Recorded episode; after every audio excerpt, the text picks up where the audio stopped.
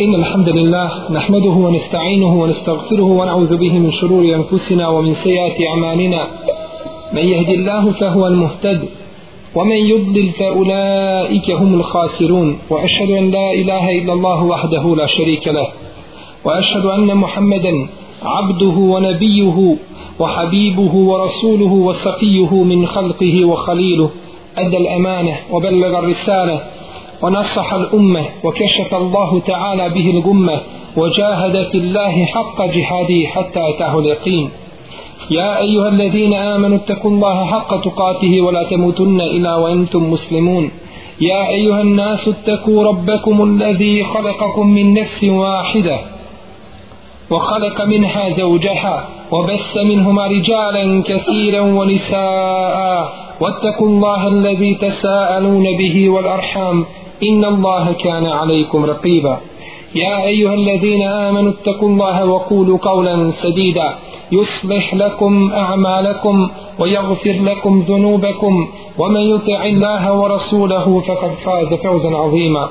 أما بعد فإن أحسن الكلام كلام الله. وخير الهدي هدي محمد صلى الله عليه وسلم. وشر الأمور محدثاتها. وكل محدثة بدعة وكل بدعة ضلالة. wa kulli dalalatin fi an-nar neka je neizmjerna hvala uzvišenom Allahu te ve taala koji nas je uputio u islam da slijedimo Kur'an njegovu posljednju objavu a potom nas je uputio da slijedimo sunnet poslanika sallallahu alaihi wasallame i to slijedjenje računa se drugom blagodaću kojom je uzvišeni Allah tebareke ve wa ta'ala obdario svoje robove. Spominjali smo vrijednosti poslanika sallallahu alaihi wa sallame propis traženja blagoslova eteberruk kako su to činili ashabi kako su tražili blagoslov od poslanika sallallahu alaihi wa sallame od njegovog tijela ili onoga što je bilo sastavni dio njegovog tijela pa se odvojilo. No međutim, nakon smrti Allahovog poslanika sallallahu alaihi wasallame, ne preostaje nam i nemamo druge mogućnosti da činimo taj teberruk i da tražimo blagoslov osim preko onoga što je ostalo iza poslanika sallallahu alaihi wasallame od stvari koje su bile svojstvene njemu. Znači, nakon smrti poslanika sallallahu alaihi wa sallam, teberuk se može, može činiti isključivo sa onim što je ostalo od Allahovog poslanika, alaihi salatu wa selam. Jer njega nema među nama svojim bićem, već ono što je ostalo od odjeće ili posuđa koje je poslanik sallallahu alaihi wa sallam koristio, od toga je znači dozvoljeno činiti teberuk. Kaže Ebu Burde, radijallahu ta'ala anhu, kako bileže Buharija i Muslim, Ahređet ilejna عائشة كساء ملبدا وقالت في هذا نزعت روح النبي صلى الله عليه وسلم kaže Aisha radijallahu ta'ala anha nam je izvadila jedan ogrtač koji je bio prepun zakrpa, pokrpljeni jedan ogrtač i kaže u ovome ogrtaču je umro poslanik sallallahu alaihi wasallam. Znači čuvala je Aisha radijallahu ta'ala anha taj, taj ogrtač. I bideži imam Buharija od Asima al-Ahvala kaže رأيت قدح النبي صلى الله عليه وسلم عند أنس بن مالك وكان قد انصدع فسلسله بفضة ثم قال ينس لقد سقيت رسول الله صلى الله عليه وسلم من هذا القدح أكثر من كذا وكذا kaže vidio sam jednu posudu iz koje je pio poslanik sallallahu alejhi ve selleme kod Enesa ibn Malika a bila se je već sva raspala toliko je bila stara da se je već počela raspadati posuda koja je možda bila od gline ili zemlje i tako dalje, popucala je, kaže pa je Enes ibn Malik uzeo tu posudu i sastavio je, izlijepio je sa srebrom. Izlijepio je sa srebrom. Pa je Enes ibn Malik radijallahu ta'ala anhu rekao napojio sam poslanika sallallahu alaihi wasallam iz ove posude toliko i toliko puta. Hoće kazati da je pojio često poslanika sallallahu alaihi wasallam iz te posude. I bileži ima muslim u svome sahihu od esme radijallahu ta'ala anha bintu Ebi Bekr da je jednoga dana izvadila jedan crni ogrtač pa je kazala هذه كانت عند عائشة حتى قبضت فلما قبضت قبضتها وكان النبي صلى الله عليه وسلم يلبسها فنحن نغسلها للمرضى ويستشفى بها kaže Esma ovaj ogrtač je bio kod Ajše koji je ostao od poslanika sallallahu alaihi wasallam sve dok Ajša nije preselila sve dok nije umrla kad je Ajša umrla kaže ja sam uzela taj ogrtač sebi i kaže mi ga čuvamo danas da bi njime tražili bereket i blagoslov za bolesnike bereket i blagoslov za bolesnike znači traže tim ogrtačem i bilježi imam Buharija u svome sahihu od Ise ibn Tahana od Ise ibn Tahmana kaže ahređe ilajna Enes ibn Malikin na alejni džardavajni فحدثني ثابت البنيان بعد عن انس انهما نعلى النبي صلى الله عليه وسلم كاجي عيسى ابن طحمان jednog dana Enes ibn Malika mi je kaže izvadio dvije papuče na alejni džardavojni znači da su to bile papuče koje nisu imali pose, nisu imale po sebi vune već su bile znači čistog, od čistog materijala bilo da se radi o koži ili drugom nekom materijalu nisu znači bile vunene. Pa mi je kaže nakon toga Sabitul Bunjani, Sabit, to je jedan poznati tabiin koji je često bio i puno se družio sa Enesom ibn Malikom radijallahu ta'ala anhu.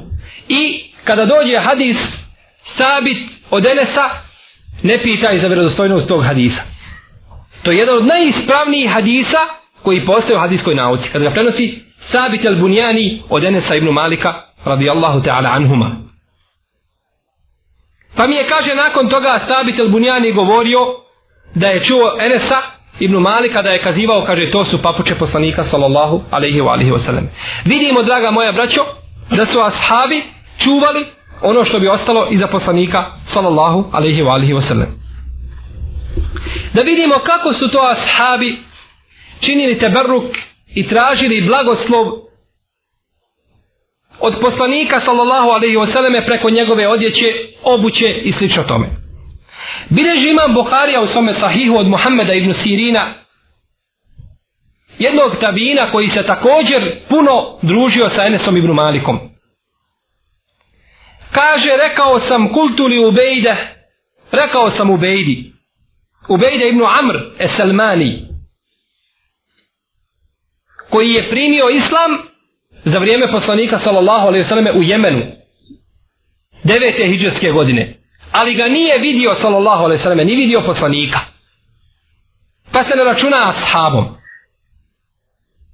Kaže Ibn Sirin rekao sam mu عندنا من شعر النبي صلى الله عليه وسلم اصبناه من قبل انس او من قبل اهل انس kaže mi imamo kaže nešto kose od poslanika sallallahu alejhi ve selleme to smo kaže uzeli od Enesa ibn Malika Ili kaže od ove porodice, od nekoga nam je došlo. Fakal, pa je rekao, Len tekune indi šaretun minhu sallallahu alaihi wasallame ehabbu ilaije mine dunja wa ma fiha. Kaže, kada bi kod mene bila samo jedna poslanikova sallallahu alaihi wasallame dlaka, to bi mi tako mi Allaha bilo draže od dunjaluka i svega što je na dunjaluku. Samo jednu dlaku da imam poslanika sallallahu alaihi wasallame kod sebe. Jer braćo ashabi su, kao što smo spominjali preko kose, poslanika sallallahu alaihi wasallam tražili i teberruk i blagoslov, liječili se od raznih bolesti. Između ostalog liječili su se od uroka preko kose poslanika sallallahu alaihi wasallam kako bilježi ima muslim od Seleme od umu Seleme da su imali kod sebe kosu poslanika sallallahu alaihi sallame koju bi umakali u jednu posudu sa vodom pa bi se nakon toga liječili od uroka. Kaže Hafil ibn al-Hajar u Fethul Bariju u svome komentaru na Buhari i Sahih Kaže, kada bi umočili tu kosu u tu vodu, donijeli bi tu vodu bolesniku, pa bi je on pio i kupao bi se sa tom vodom, pa bi ga prošlo ono od čega se žali. Prošla bi ga, znači, bolest koja ga je pogodila i koja ga je snašla. Zato imam Buharija u svome sahihu naslovio jedno poglavlje, kaže poglavlje piti iz posuda poslanika sallallahu alaihi wasallam. Iz dijela iz koji je pio poslanik alaihi salatu wasallam.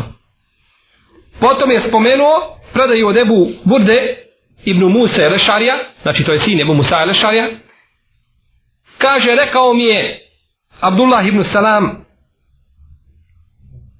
zar nećeš, kaže, da te napojim iz posude iz koje je pio poslanik, sallallahu alaihi wasallam. Zar nećeš da te napojim iz posude iz koje je pio poslanik, alaihi salatu wasallam. Pa ih je napojio.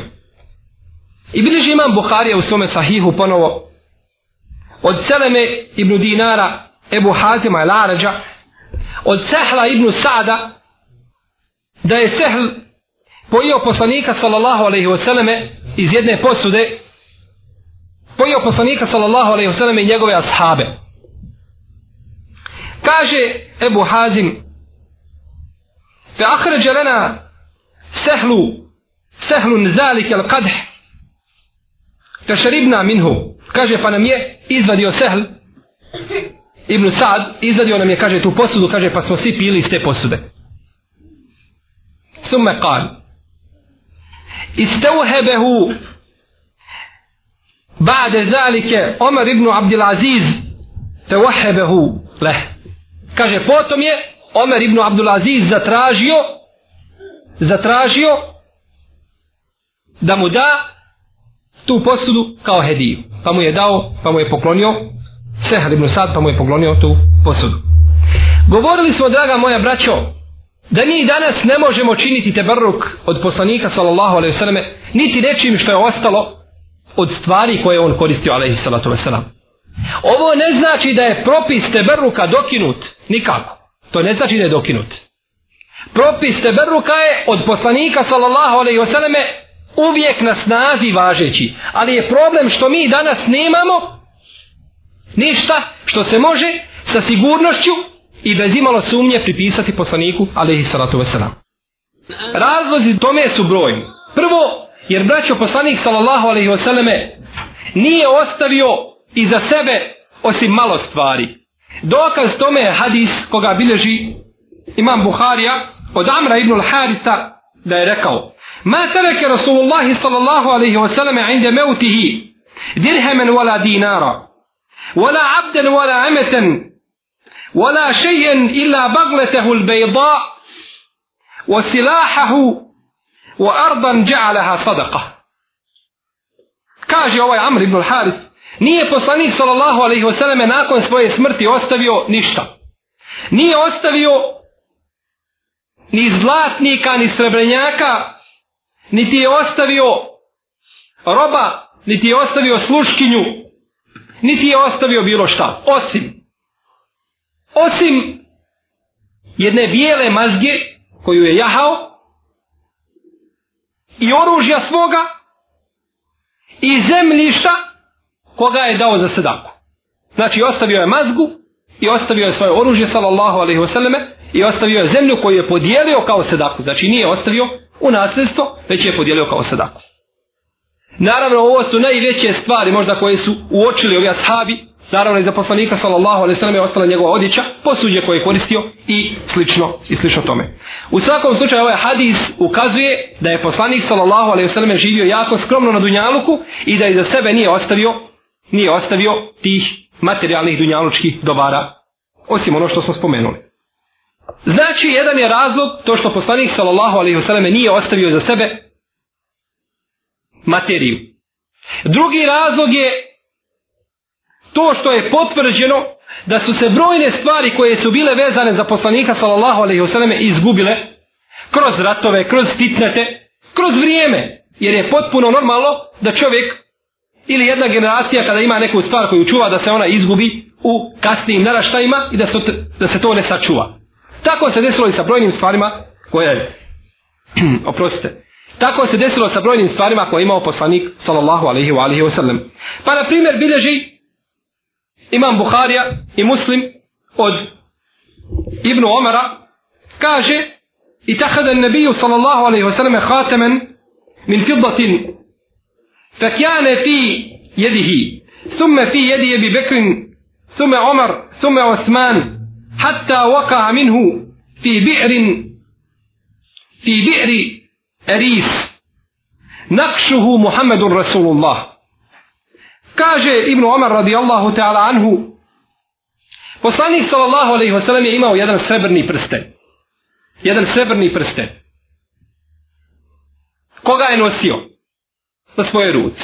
Nakon toga taj prsten nakon smrti poslanika sallallahu alaihi wasallam taj prsten je nasledio Ebu Bekr nakon Ebu Bekra Omar. Nakon Omara Osman radijallahu ta'ala anhu sve dok mu nije upao u jedan bunar medinski koji se zove Bi'ru Eris.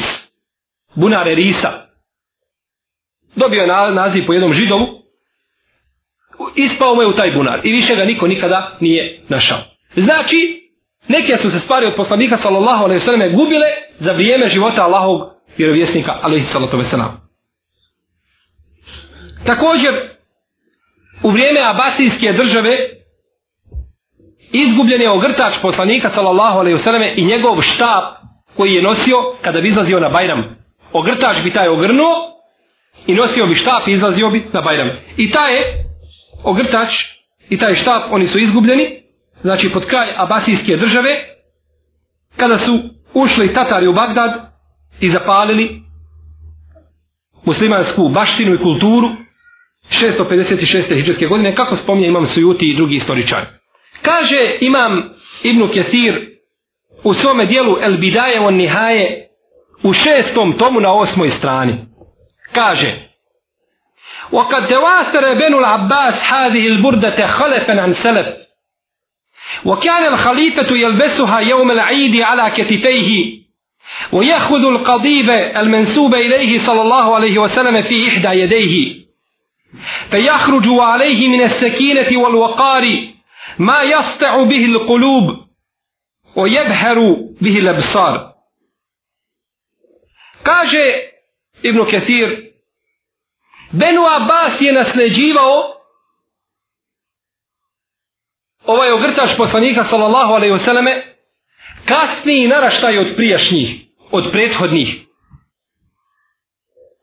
Pa bi kaže halifa u svakom od tih naraštaja obukao taj ogrtač poslanika sallallahu alejhi ve selleme i uzeo bi štap u svoju ruku, taj bi ogrtač stavio na svoja ramena i izišao bi na Bajram. Izišao bi da klanja muslimanima Bajram namaz. Kaže, a izlazeći na njegovom putu, kaže, vidlo bi se, kaže, vidjelo bi se na njemu smirenje. I ta skrušenost, kaže, od koje se srce cijepa. I koja zadivljuje ljudske oči. Zadivljuje, znači to, ta skrušenost tog halite zadivljuje ljudske oči. Izlazio bi, znači sa tim ogrtačem na Bajram namaz.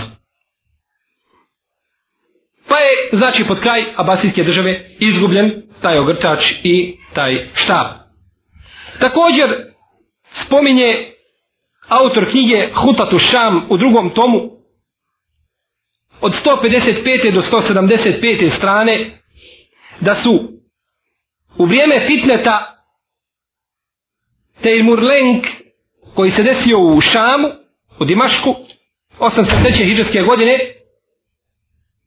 da su izgubljene papuče poslanika sallallahu alaihi wasallam, koje su mu se pripisivale.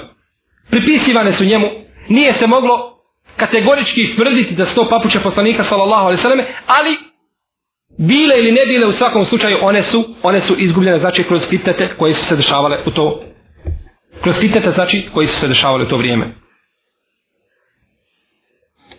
Također od jedan od razloga koji je doveo da se izgube mnoge stvari koje su bile vezane za poslanika sallallahu alejhi ve selleme jeste to što je neko od ashaba ili tabina koji je naslijedio neku poslanikovu sallallahu alejhi ve selleme stvar tražio da ga ukopaju sa tom stvari. Pa ako se radilo o ogrtaču, tražili su da ih zamotaju u kefine, da im od tog ogrtača znači učine kefine, pa bi bili ukopavani. I tako su nestajale stvari poslanika, sallallahu alaihi wasallam.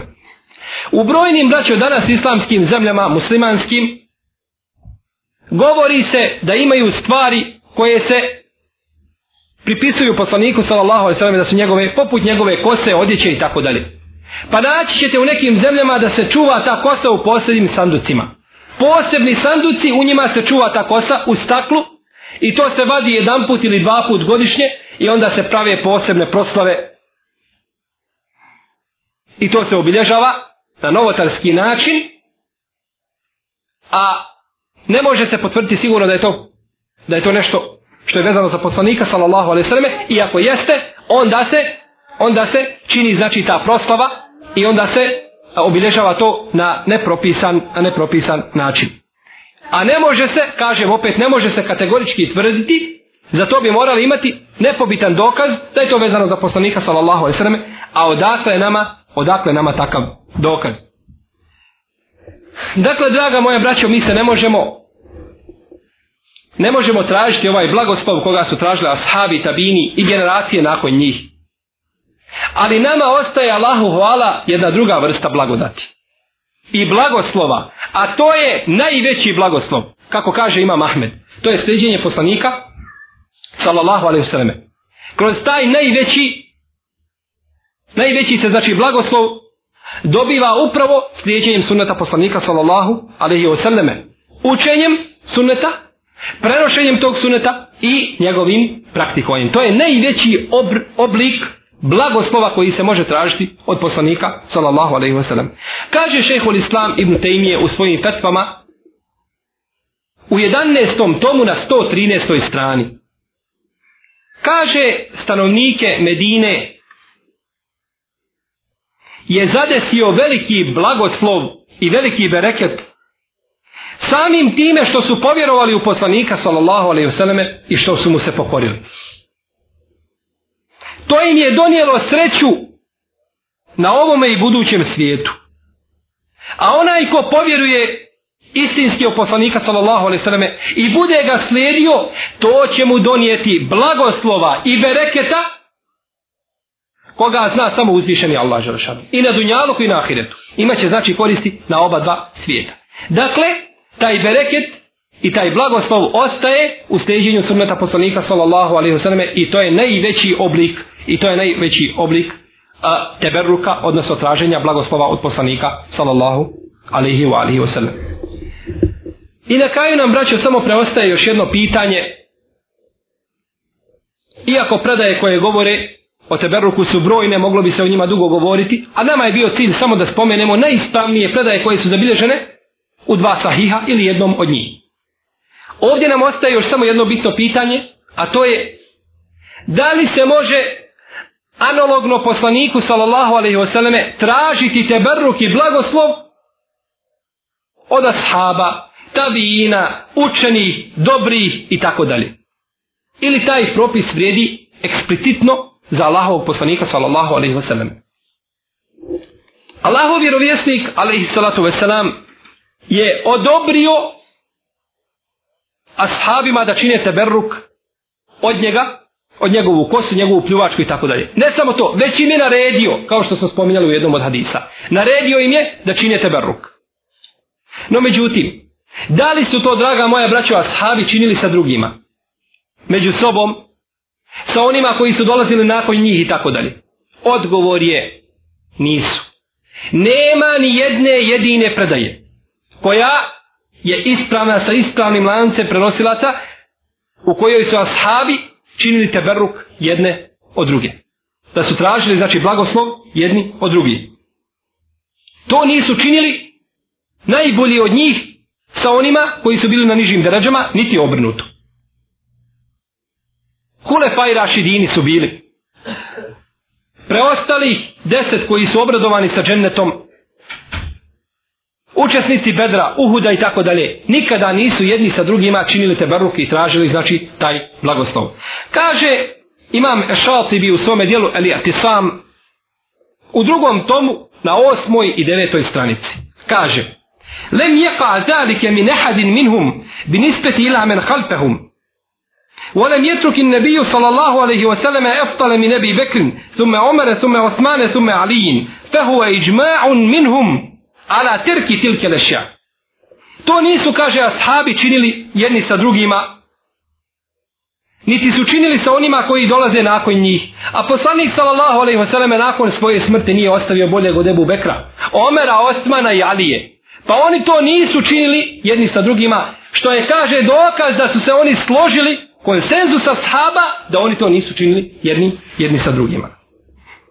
Ova predaja i ove riječi mama Šaltibija jasno ukazuju da je teberruk i traženje blagoslova da to vrijedi izričito za poslanika sallallahu alejhi ve selleme i da ne vrijedi za druge, za dobre, za dobre, iskrene, pobožne i tako dalje. Učene, ne. Vrijedi samo za poslanika sallallahu alejhi ve alihi ve sellem.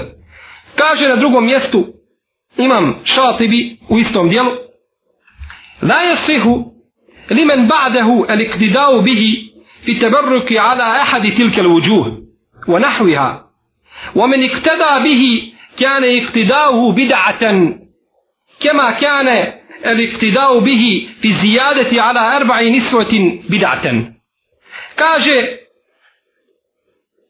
nemaju pravo oni koji dolaze posle poslanika sallallahu alejhi ve selleme da se ugledaju na njega i da te baruk čini neko od njih sa nekim, sa nekim od ljudi. Bilo o kom te baruku da se radi.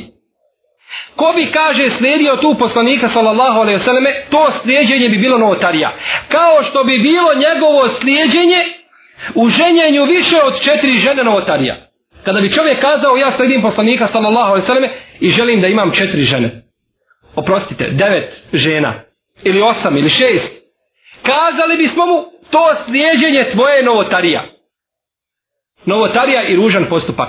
Jer to vrijedi izričito poslaniku, sallallahu alejhi ve selleme e ista stvar je sa teberlukom. Ne vrijedi ni za koga drugog. Osim za Allahov poslanika, sallallahu alaihi wasallam. A kaže Ibnu Ređep, el-Hambeli, u svome dijelu El-Hukm na 55. strani. Ashabi to nisu činili jedni sa drugima, niti sa onima koji su dolazili nakon njih. Niti su to tabijini činili sa ashabima, poznavajući dobro vrline i odlike ashaba. Što ukazuje jasno da se to čini samo sa poslanikom, sallallahu alaihi wa alihi wa sallam.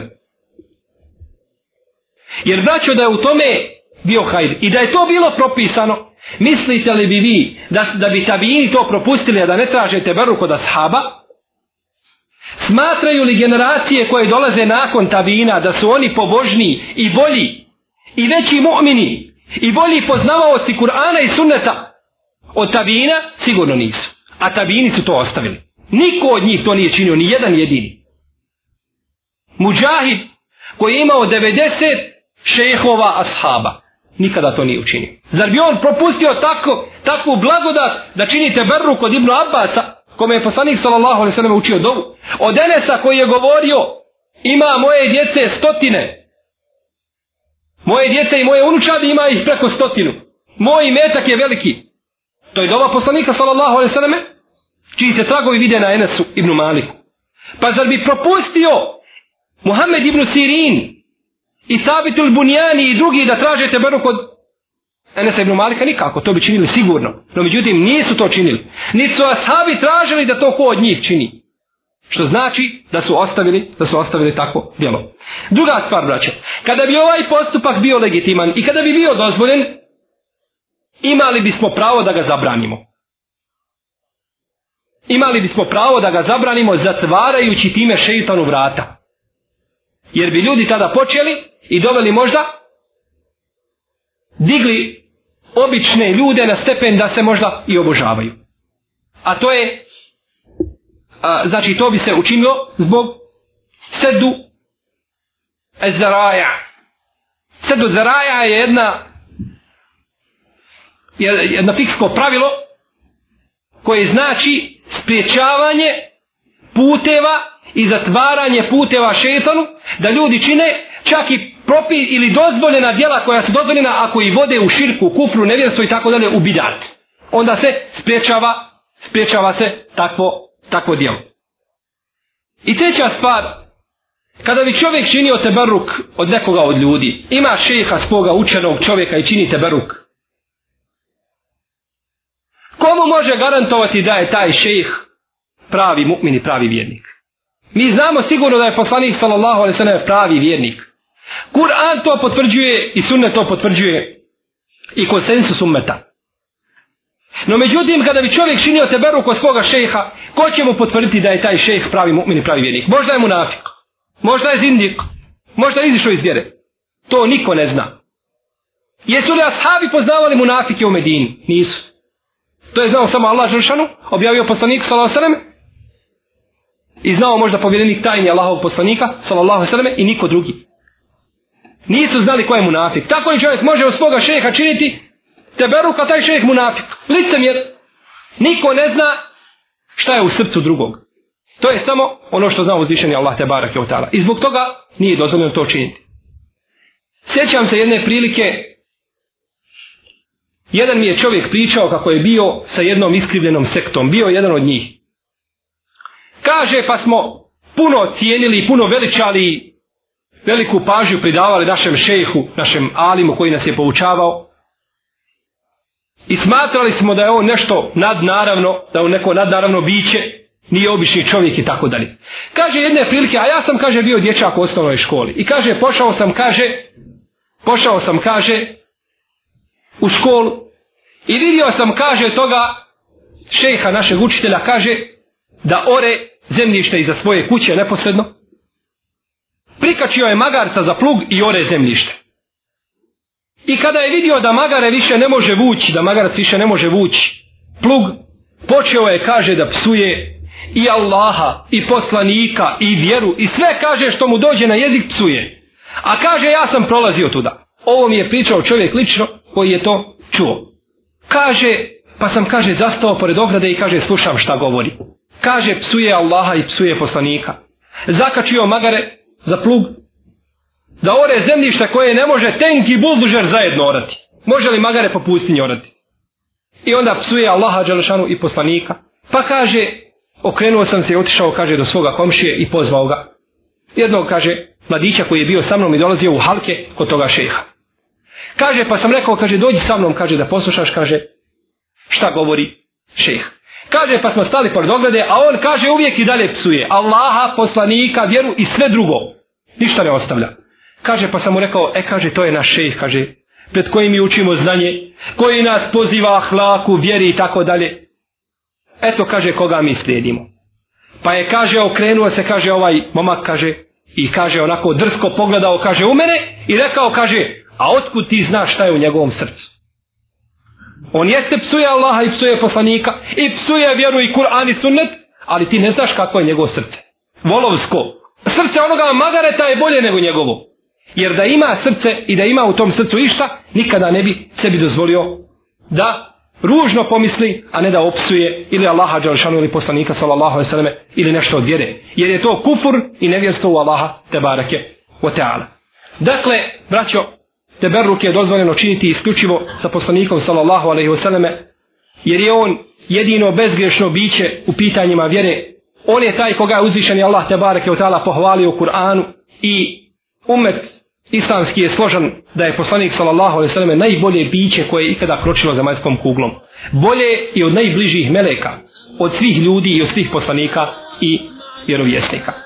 Ovim bismo, inša Allahu te u ta'ala, priveli kraju ovaj naš ciklus predavanja u kome smo govorili o poslaniku sallallahu alejhi ve selleme vrlinama Allahovog poslanika o sunnetu i brojnim drugim stvarima vezanim znači za sunnet molim uzvišenog Allaha te bareke ve taala da nas učini od iskrenih sledbenika sunneta poslanika sallallahu alejhi ve selleme da budemo od onih koji se bore za sunnet koji ga praktikuju u svom životu i koje će uzvišeni Allah te bareke ve taala usmrtiti na sunnetu.